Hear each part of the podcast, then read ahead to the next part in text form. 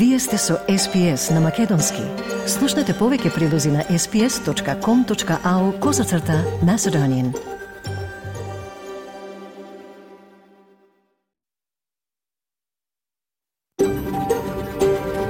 SBS, a world of difference. You're with SBS Macedonian on mobile, online, and on radio. Вие сте со SPS на Македонски, на мобилен, преку интернет и на радио.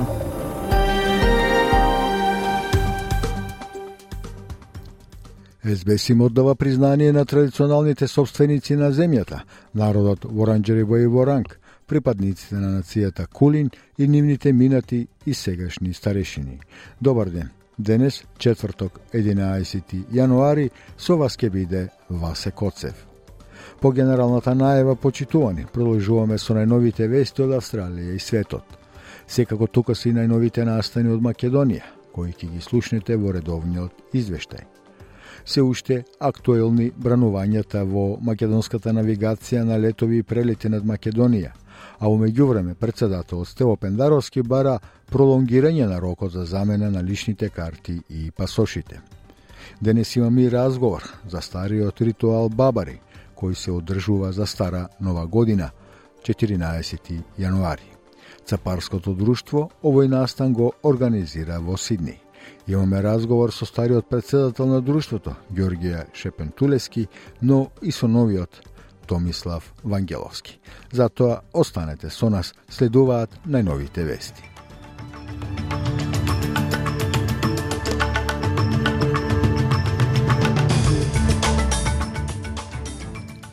Од денешниот билтен вести издвојуваме. Федералната влада обезбедува журирање за конфликтот во Папуа Нова Гвинеја.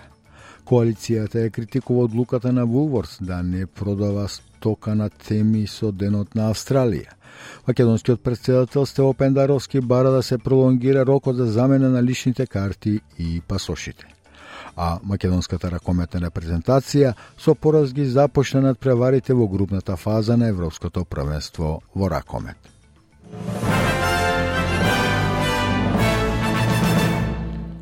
Премиерот Ентони Албанези вели дека федералната влада во моментов не верува дека има австралици опфатени во конфликтот во Папуа Нова Гвинеја. Продавници и бизниси се нападнати и запалени во главниот град, а луѓе наводно се убиени откако полицијата штрајкува поради ниските плати. Властите велат дека имот во порт Морсби бил ограбен од опортунисти откако настаните излегле од контрола. Господин Албанези вели дека владата постојано добива ажурирања од Папуа Нова Гвинеја. High Commission in Port Moresby are keeping a very close eye on what is occurring there, making sure that Australians are looked after. Uh, we continue to urge uh, calm. Uh, we haven't had any requests uh, from the PNG government uh, at this time, but we, of course, our friends in, in Papua New Guinea, we have a great relationship with them. Лидерката на заедницата, Джоди Белје, е именувана како кандидат на лабористите за престојните федерални дополнителни избори во викториското седиште Данкли. Господја Белје е основач на волонтерската група Woman Spirit, која помага да се поддржат обесправените жени. Морените избори беа поттикнати од смртта на претеничката од лабористичката партија Пета Мърфи, која почина во декември по долга борба со ракот. Господја Белеја и одиде почитна починатата пратеничка. Peter Murphy was an incredibly talented and passionate member that advocated hard for this community. I am not going to necessarily be Peter, but I am going to lean into her legacy. committed to making a difference. I have big shoes to fill. And over the next few weeks, you are going to see me campaigning on the cost of living, health and Medicare, and affordable housing. Портпаролот на Министерството за финансии на коалицијата Ангус Телор ја критикуваше одлуката на Вулворс да не продава стока на тема за денот на Австралија. Ова доаѓа од како Woolworths потврди дека нема да се продава дополнителна стока на тема за денот на Австралија низ незиниот супермаркет или продавниците Big W за државниот празник во 2024 година. Тие наведоа постапен пат на побарувачката за стоката со текот на годините и поширока дискусија за датумот 26 јануари и што значи тоа за различни делови од заедницата. Господин Тейлор изјави за Канал 9 дека тоа е разочарувачки. I don't understand what it is with this constant desire to divide us. Australians are proud of, of their country for the most part. Um, they're proud of, of, our identity and they want to see us as a united nation. I think that was a clear message from last year. Uh, and so I think that the corporates need to get with the act and recognise that. In terms of their bottom line, I'm sure this can handle uh, selling some merchandise. Their bottom line is not going to be impacted by selling some, some great Aussie merchandise. Некои заедници во Викторија остануваат под закана од поплави кои се движат низводно, додека други продолжуваат со чистењето. Има предупредување за надблюдување и дејствување за реката Гулбан од Сеймур до Шепартон, како и за Бендиго и Булокрикс. Властите предупредија дека околу десетина домови може да бидат поплавени кога водите ќе го достигнат врвот во Шепартон утре, петок, 12 јануари. Засилените напади на јаменските бунтовници Хути во Црвеното море ги натера бродските компании да ја заобиколуваат рутата и наместо тоа да се пренасочат околу ртот Добра надеж во Африка, со значително зголемувајќи го времето на патувањето и трошоците. Советот за безбедност на Обединетите нации се очекува денеска да гласа за резолуција со која се бара од хутите да престанат да го имаат за цел поморскиот сообраќај во Црвеното море. Резолуцијата најостро ги осудува најмалку 20-тината напади на хутите врз трговски бродови од 19 ноември 2023 година. Исто така барот хутите веднаш да престанат со сите такви напади кои ја попречуваат глобалната трговија и ги подкупуваат правата и слободите на пловење, како и регионалниот мир и безбедност. Македонскиот председател Стево Пендаровски завчера во гостувањето во телевизија Сител рече дека на двајца министри им предложил со брза интервенција во законите за лични карти и за патни исправи рокот да може да се одложи до септември или октомври и за тоа да биде известена соседна Грција. Пендаровски во интервју за телевизија Сител вчера рече дека ова што сега им се случува на граѓаните кои со денови чекаат за да ги изда извадат личните документи е срамно и понижувачко и верува дека не треба да биде проблем да се пролонгира целата процедура. Тоа се прави во едно попладне, не знаеме дека може да се направи во едно попладне и не мора со европско знаменце да биде. Ќе ги измениме тие два закони, ќе го пролонгираме рокот месец февруари, нека биде септември, октомври. Предходно ќе ги известиме грците, немаме дека немаме намера да бегаме од обврските од Преспанскиот договор. Дополнително, како што рече председател Пендаровски, Грција не би можела да се противи, бидејќи таа не реализирала голем дел од своите обврски. Египет и Јордан предупредија на каква било израелска повторна окупација во појасот Газа и апелираа на жителите да им биде дозволено да се вратат во своите домови, додека лидерите на арапските земји се сретнаа со председателот на палестинската управа Махмуд Абас – и додека Израел продолжува со војната кампања за кој за која вели дека ќе трае со месеци, Абас, заедно со лидерите на Египет и Јордан, го повторија своето отфрлање на какви било планови за раселување на палестинците од нивните земји. Тоа е ризик што Египет вели дека се зголемил, бидејќи израелската војна против Хамас ги натера повеќето жители на Газа да се движат на југ кон египетската граница. Јордан е загрежен од зголемената нестабилност и нападите врз палестинците од страна на еврејските доселеници на западниот брег, окупиран од Израел, со кој ја дели границата. Тоа се случува кога во израелски воздушен напад беа убиени најмалку седум палестинци во Дейр Ал-Балах во Газа, како што објаснува овој сведок. The men were working here They struck this building and parts of the missile hit two men and cut them to pieces. The workers here, as you can see here. As you can see, the blood and the body parts are all around. Is this life? а во Еквадор ескалира насилство.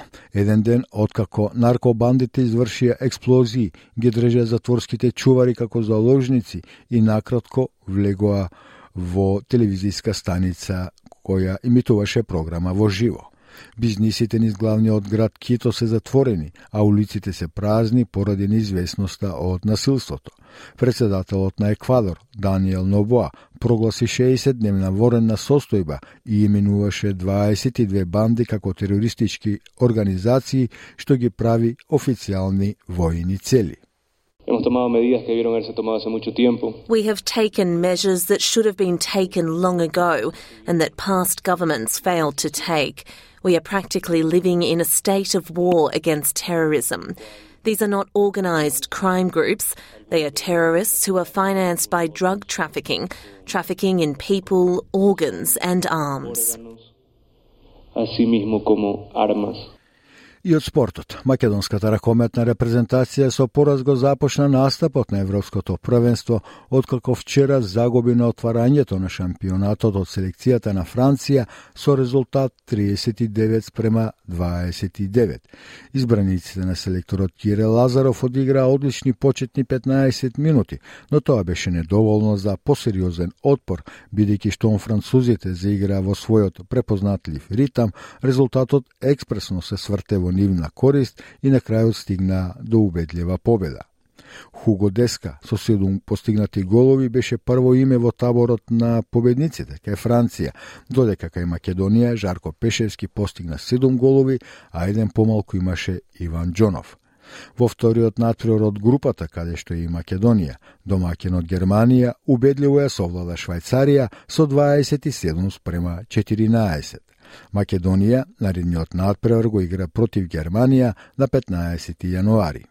Инаку Европската ракометна федерација вчера и официјално објави дека дуелите одиграни во Дизелдорф значеа и уривање на светскиот рекорд по посета на еден ракометен надпревар.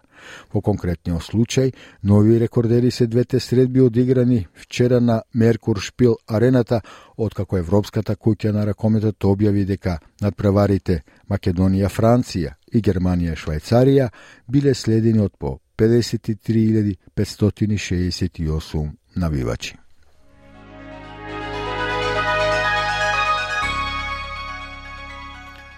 Од неновата курсна листа денеска еден австралиски долар се менува за 0,61 евро, 0,66 американски долари 37,38 македонски денари, додека еден американски долар се менува за 55,80 македонски денари, а 1 евро за 61,5 македонски денари и временската прогноза за поголемите градови во Австралија утре петок 12 јануари Перт сончево со температура до 37 степени, Аделај сончево до 35, Мелбун разведрување до 31 степен, Хобарт претежно сончево до 27, Камбера делумно облачно до 30 степени, Сиднеј кратки повремени врнежи до 29, Призбен можни врнежи до 30 степени, Дарвин врнежи од дошт можна и бура до 31 и во Алес Спрингс претежно сончево со температура до 39 степени.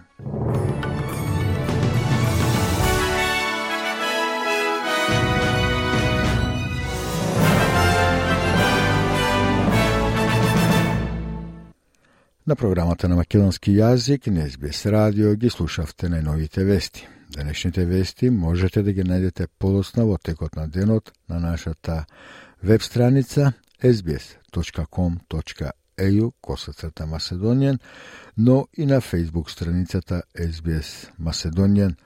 Таму можете да ги најдете и сите други интервјуа, прилози и видеоклипови на теми што се однесуваат и се поврзани со македонската заедница. Во продолжение следува првиот блок маркетинг, а веднаш по него програмата ја продолжуваме и со редовниот извештај од Македонија. Слушате СБС радио, програма на македонски јазик. Денес со вас е Васе Коце. Во продолжение следува извештајот од Македонија денес подготвен од нашиот соработник Милчо Јовановски известува на повеќе теми, меѓу кои за тоа дека премиерот Димитар Ковачевски ги нападнал вработените на македонска навигација и рече тоа како да ја цитирам семејна фирма со вработени до трето колено. Вработување според заслуги, а не партиска припадност. Унијата загрижена за кронизам во институциите, особено по скандалот во а, Националната агенција за следење на авионските летови, односно македонска навигација. Холандскиот амбасадор Дирк Јан Коп објави фотографија од заедничка средба со лидерот на ДУИ Али Ахмети, на кој му било кажено дека со вакво ниво на корупција и владење на правото, Македонија да не очекува влез во Европската Унија. Владата ќе го разгледа предлогот на председателот на државата Стево Пендаровски да се пролонгира рокот за замена на личните карти и пасошите. Поопштено за овие настани во извештајот. Вие сте со СПС на Македонски. МНАФ е институција зрела за генерален ремонт. Потребно е евроконтрол и домашните институции посериозно да се занимаваат со тоа што се случува таму. Оба се пораките кои што ги испрати државниот врв по минато неделниот упад во МНАФ, што резултираше со кривични пријави и препораки за смени. Има неколку аспекти кои треба да се анализираат, изјави за медиумите премиерот Димитар Ковачевски. Одговарајќи на новинарски прашања, тој рече дека МНАФ е станата семејна фирма.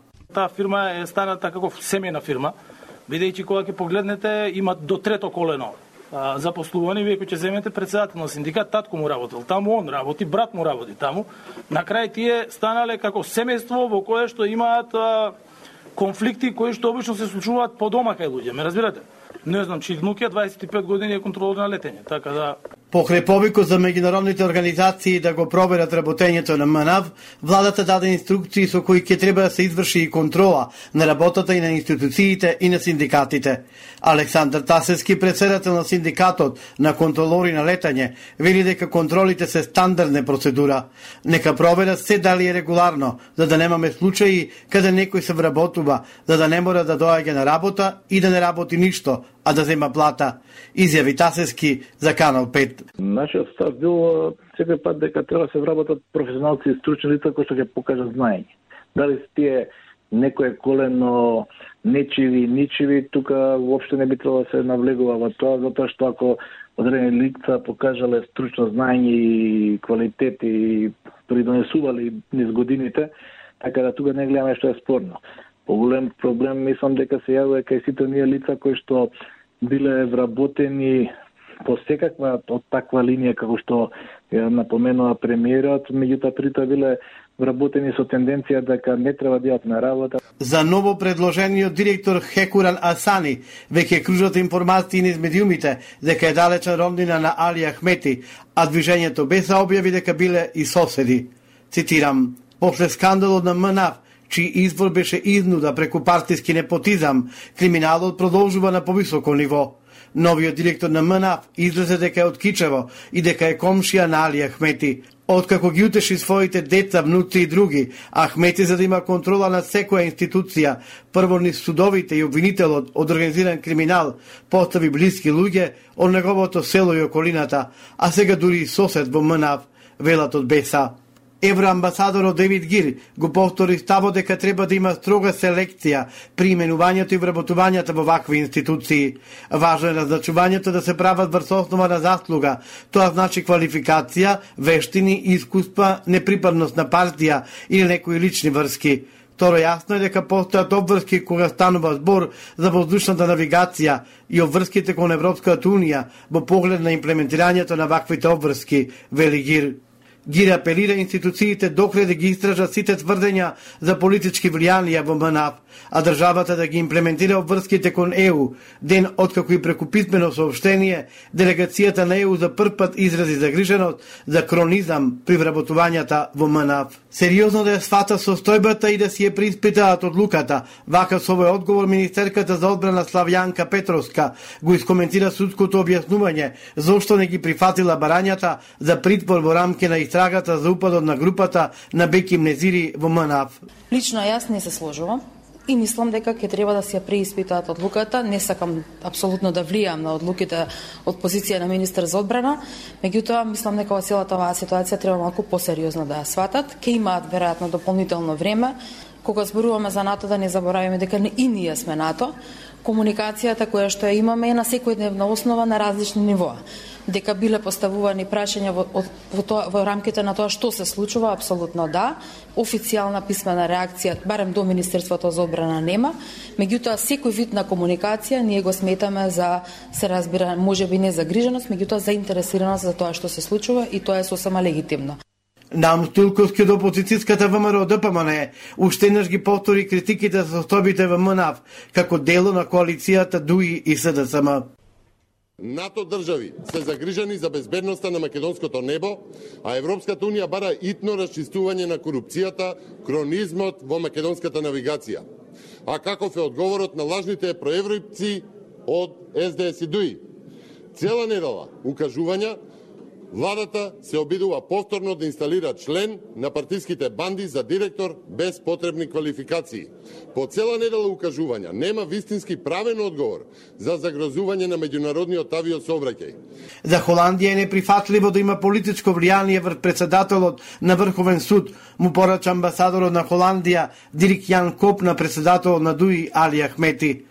Амбасадата на Холандија на Фейсбук информираше дека на средбата Јан Коб му пренел порака на Ахмети и дека по континуираниот двегодишен пад на владењето на правото, посветеноста на Македонија за членство во ЕУ е загрозена. Цитирам, Исто така несоодветното политичко влијание врз позицијата на председател на Врховен суд, што е судско прашање, е неприфатливо и ќе призвика силна реакција од Холандија, наведува холандската амбасада во Скопје.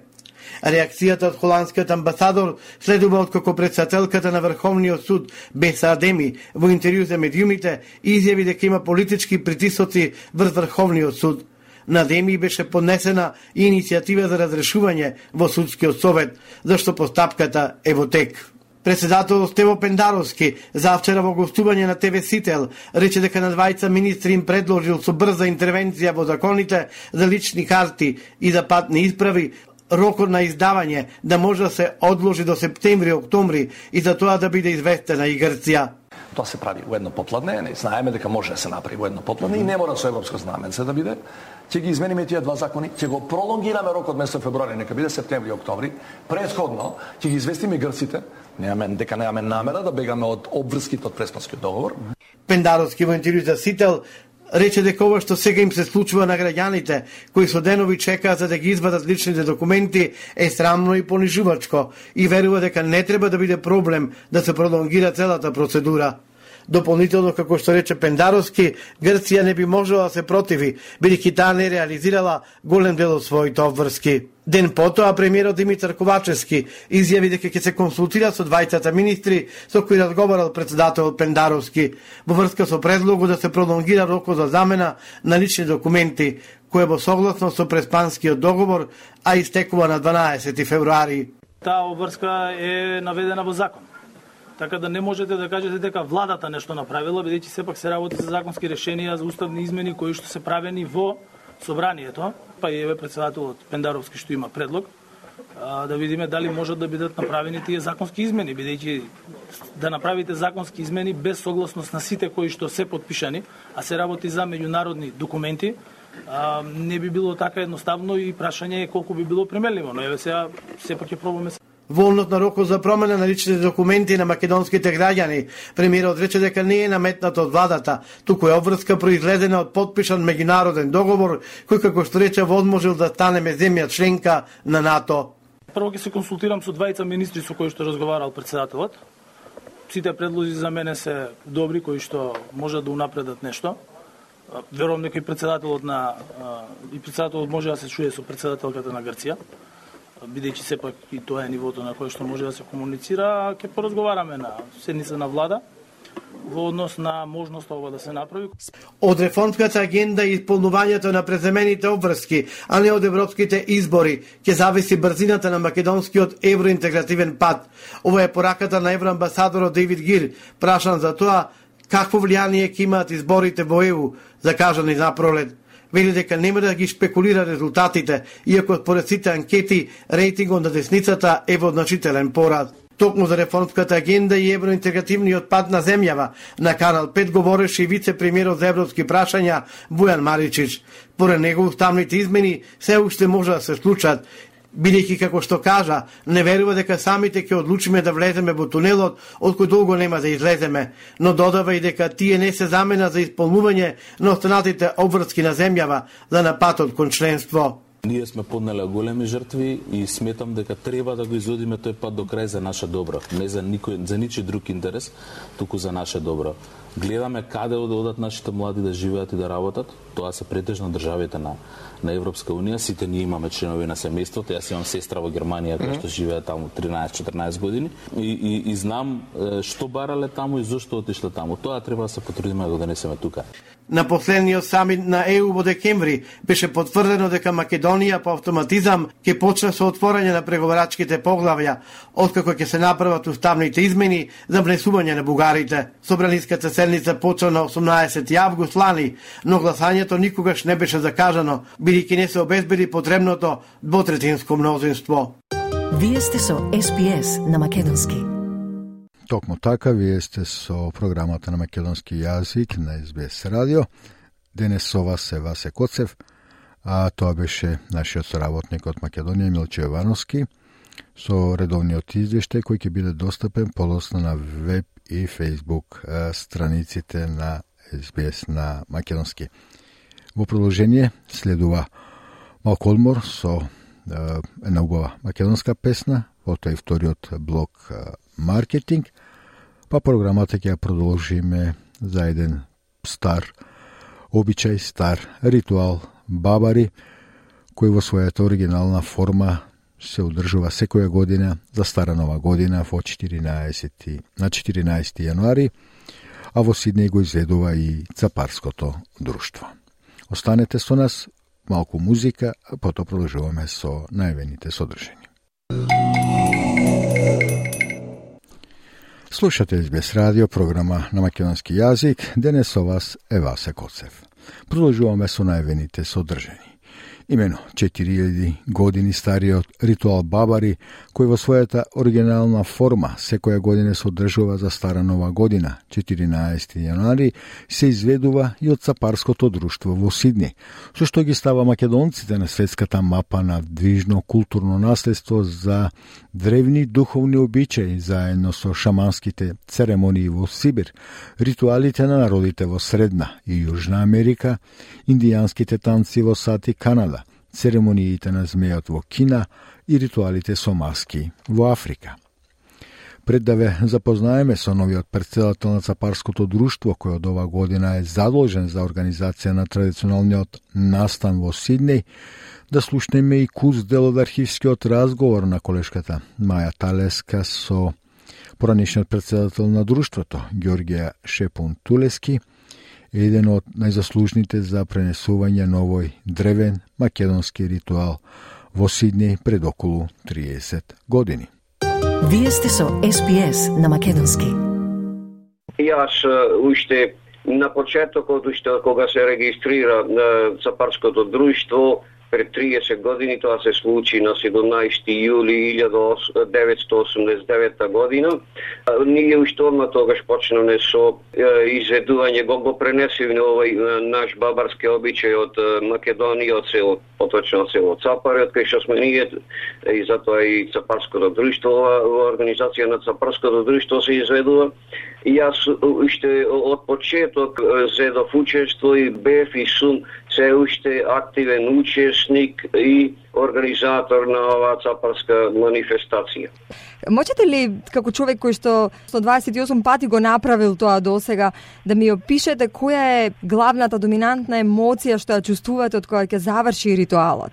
Со самото ставање на маската, со самото облекување во костумите, во маскирањето, во префрлување од една личност на друга, значи се префрлувам јас од Ѓорѓи Шепентулевски во личност она што Господ ја, ја, ја подарил, она што сум се родил пред да ми се дај моето име, пред јас Значи, овега да наследам овие сите карактеристики на, на, на човекот што со него ги носи и сето тоа од ова на димензија, од овдешнава димензија, значи она што можеме да го видиме со петте чула, да го видиме, да го сетиме, да го помиришниме, значи сето тоа е најпримитивно нешто што го губиме на контактот со, со Господа. И е, чувството што се, се осеќа човек кога ќе ги ста, кога ќе стави маската, едно, едноставно ја јас се ослободувам од мојата личност овде што, што сум ја стекнал и ја личност и, и свест и автоматски ја, ја примам она свест што природата ми ја дарила и се осеќам слободен човек, духовен човек, расположен човек, немам страх, немам страх, не, не се плашам од ништо и едноставно сум многу весел човек, натрешно, духовно сум многу ослободен и опуштен. Сета оваа манифестација е само заради тоа. Значи, на овој ден цапарчани ги оставаат работите да мируваат а проблемите ги заборава за да го долува вистинското чувство на благосостојба и душевен мир уште со самото започнување во раните зори на бабарскиот ритуал. И штом ги стават маските на лице, се осеќават духовни луѓе во вистинската смисла на зборот. Значи, јас сум човек во вистинската смисла на зборот само тогаш кога сум бабар.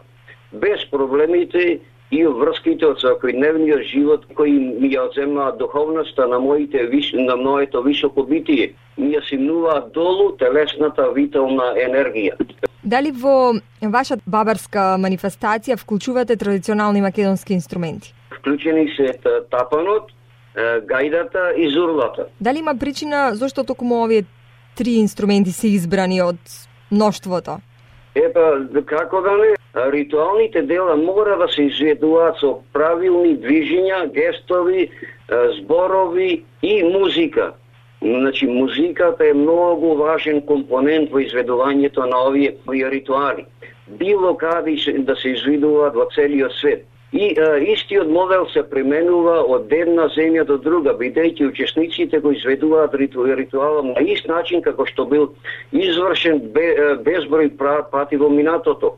Кога луѓето се прашуваат зошто го прават тоа, тие често велат дека тоа им овозможува духовно за да се поврзат во изведбата на, на обичаите со своите умрени предци толку живо како да се умрените присутни со нив. Значи, ритуалите имаат еден вид на намерно и свесно оживување на меморијата. Ете тоа беше разговорот со Георгија Шепун Тулески, поранешен долгогодишен председател на Цапарското друштво во Сидни. А целиот разговор може да го слушнете и на нашата интернет страница sbs.com.eu косацрта Маседонија. Останете со нас и за разговорот со новиот председател на Цапарското друштво, кој има само 20 години и е во мисија да привлече што повеќе млади да земат активно учество во друштвата во македонската заедница. Овој разговор ќе го слушнете нешто подосна, меѓутоа сега следува нашиот трети последен блок, разговорот ќе го слушнете, маркетинг блок, разговорот ќе го слушнете потоа. На програмата на македонски јазик на СБС радио денес со вас е Васе Коцев. Како и што најавив пред краткиот ракаман блок, овој викенд – На 14 јануари православните македонци го одбележуваат Свети Васили во народот познати како Василица, односно Стара Нова година. Голем број семејства го празнуваат овој ден и како домашна слава, а многумина го слават и како имен ден. Василица се совпаѓа со периодот на така наречени некрстени денови од Божик до Водици, кога според преданието Исус не бил крстен и ѓаволите се мачеле да го излажат да не се крсти и да не се исполни Божјата волја. Луѓето во овој период избегнувале некои потешки работи, но изведувале разни магијски заштитни действија, како што се бабарските, русалиските и слично од кои траги во Македонија се одржали и до ден денес – а благодарение на Цапарското друштво од Сидне, настанот Бабари традиционално се одржува на три децени, а најмладиот до сега председател на ова друштво, 20 годишниот Томислав Вангеловски, кој е роден овде во Австралија, има големи надежи дека младата генерација ќе продолжи да ги негува и пренесува македонските традиции. Со Томислав Вангеловски разговара колешката Радица Бојковска Димитровска.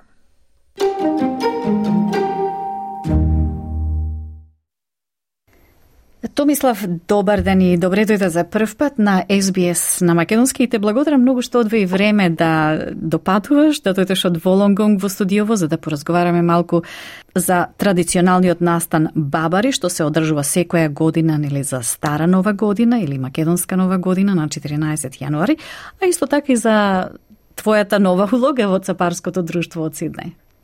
Добар ден, Радица и добро ви најдов. Да, јас сум новиот председател за Цапарското друштво, овдека во Сидни, Рокдел. Само имам 20 години, а сега почнував ова пред, а, да речиме, 9 или 11 месеци, скоро така. Јас ојдов еден ден така за состанок и се огласија зашто друштвото што е досега многу добра работа има направено. Да. А Ние го покриваме тој настан скоро секоја година. И ми ме објаснано зашто тие сега на години идат на 80 и повеќе, mm -hmm. на 90 и повеќе ми велат ние многу не можеме да правиме, не само што неки ама годините не ни Им треба одржат. новата генерација, нели? Добро, Нова така, свежа така. крв. И сега јас сум првиот председател што сум роден овдека во Австралија и што се како чувствувам како австралијанец. Оти сум тува роден и јас сакам да се Меѓутоа продолжу... македонското многу тежно е Не. кај тебе, така? Така. Како што се гледа? Така. И сакам јас да се продолжува нашиве македонците како традиции, културни работи што правиме, адети, оти многу се јаки и тоа како тоа ни држа како народ. Така и јас знам од дете мал, стално имам одено и на бабари, и на игранки. Тоа е најфантастично нешто што правиме ние македонците, мислам. Така, браво. Значи има надеж дека овие традиции ќе Да, продолжат да. на овој континент каде што живеат многу македонци.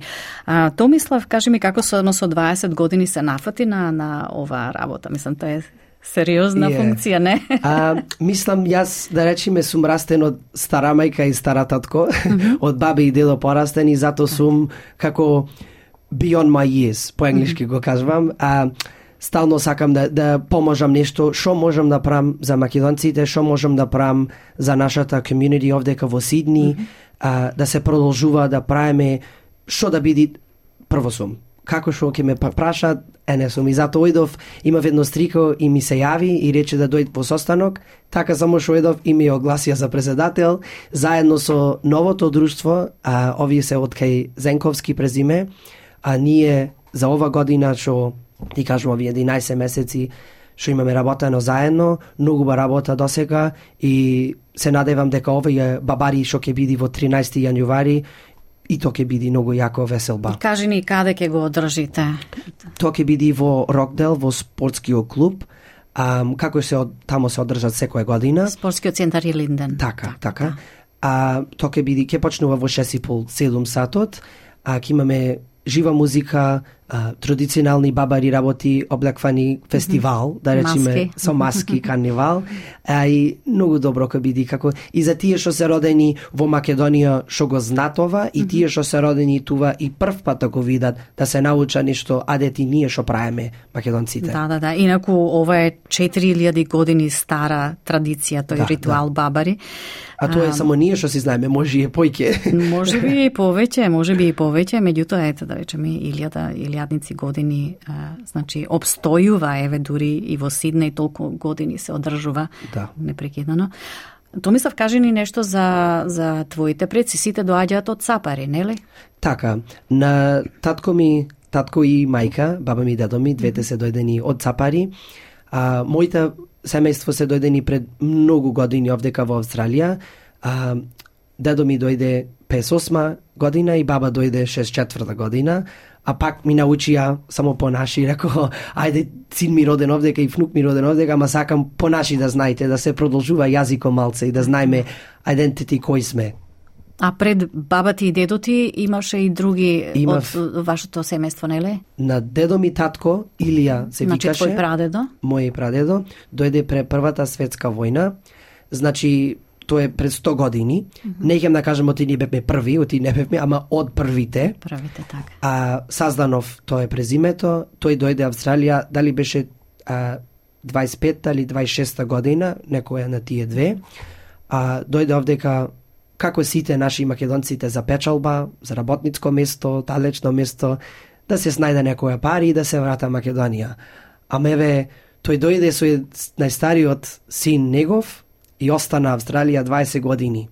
Mm -hmm. а, и сетне дедо ми дојде после тоа, ти кажам во 58 година, и работа uh, fish and chip shop. По наши не знам тоа да кажам, риби и помфри.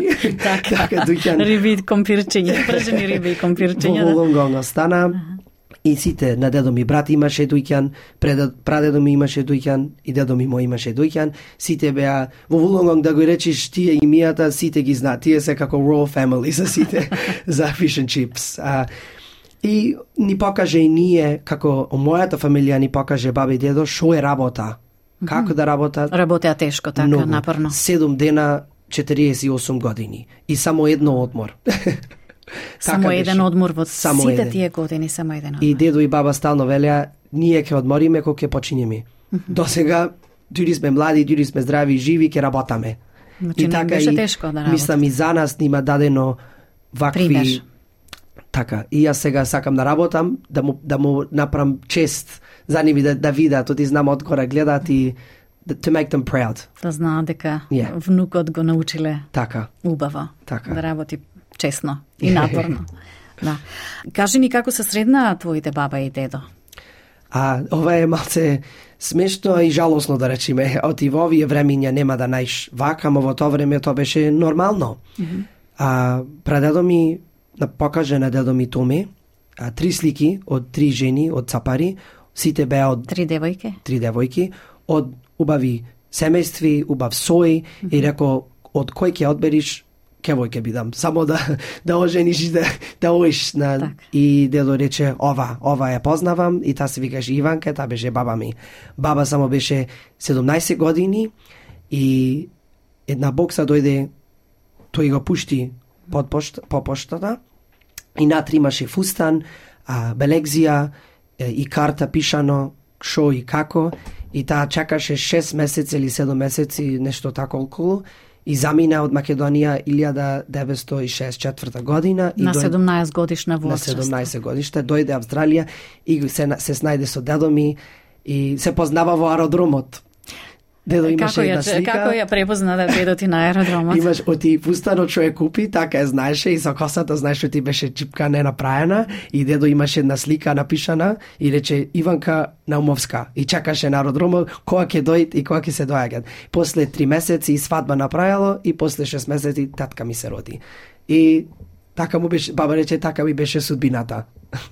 Колку време помина додека можеше пак да се види со незиното семејство, зашто тогаш не имаше мобилни телефони, немаше такви телефони. работи, немаше и баба стално велеше шигази да напишиш по пошта или по карта да речиме, тоа и 4-5 месеци ќе одеше, ќе поминеше. И во тоа време не е како што сега Австралија Пост одма, ама мислам 12 години беше дури да се видат со семејството нивна и многу години помина без мајка, без татко, без брат и без сестри. Тешко е беше и за неа, ама стано велеше, ако не беше за дедоти, кој зна како бев.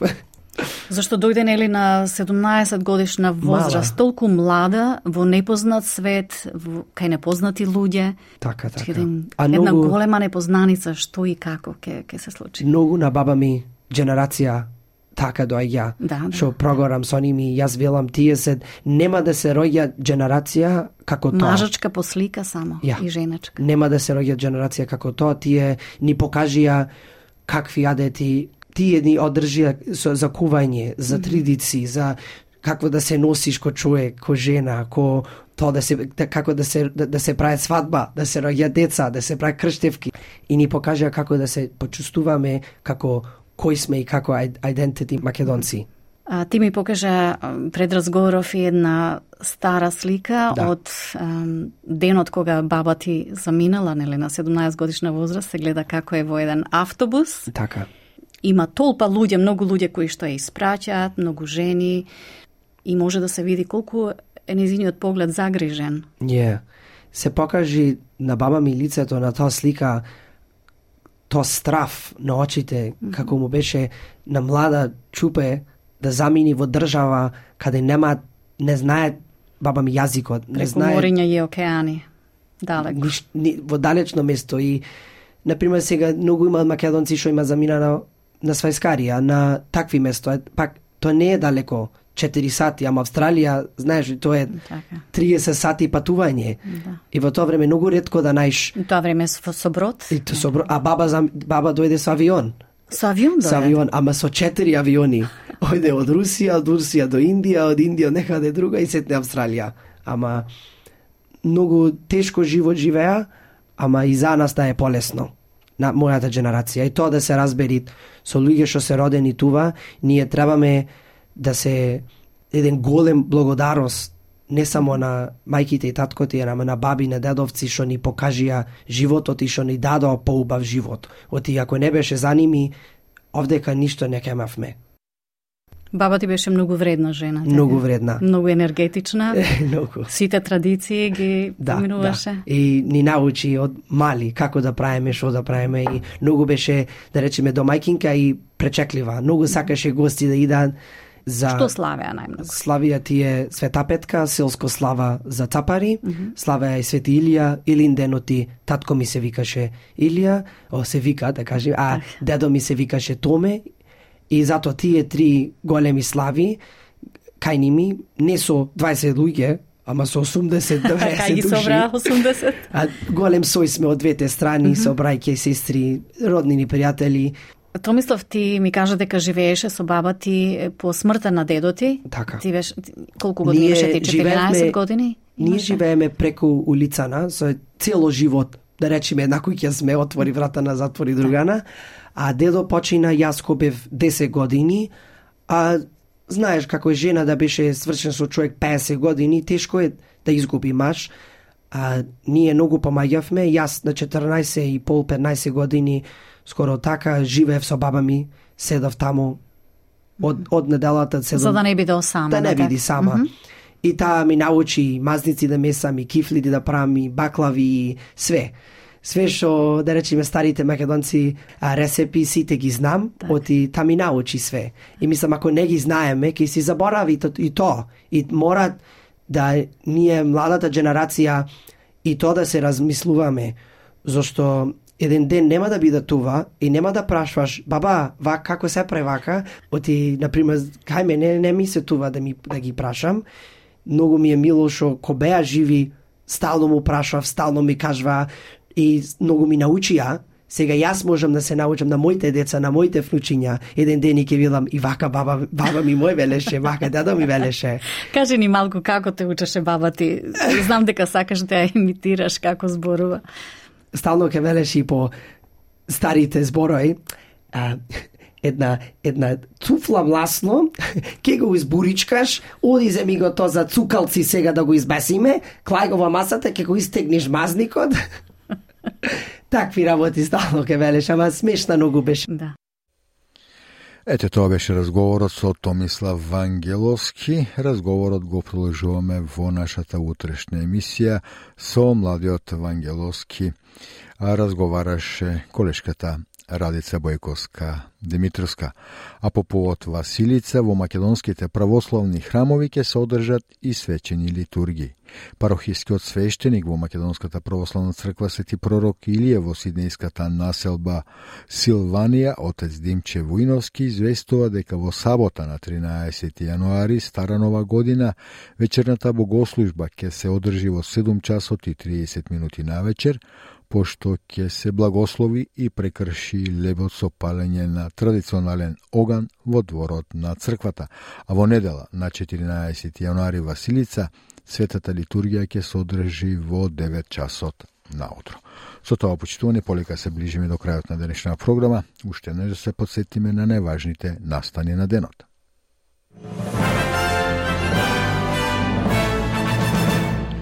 Федералната влада обезбедува журирање на конфликтот во Папуа Нова Гвинеја. Коалицијата ја критикува одлуката на Вулворс да не продава стока на тема поврзана со Денот на Австралија. Македонскиот председател Стево Пендаровски бара да се пролонгира рокот за замена на личните карти и пасошите. И Македонија со пораз ги запушна над преварите на Европското правенство во ракомет.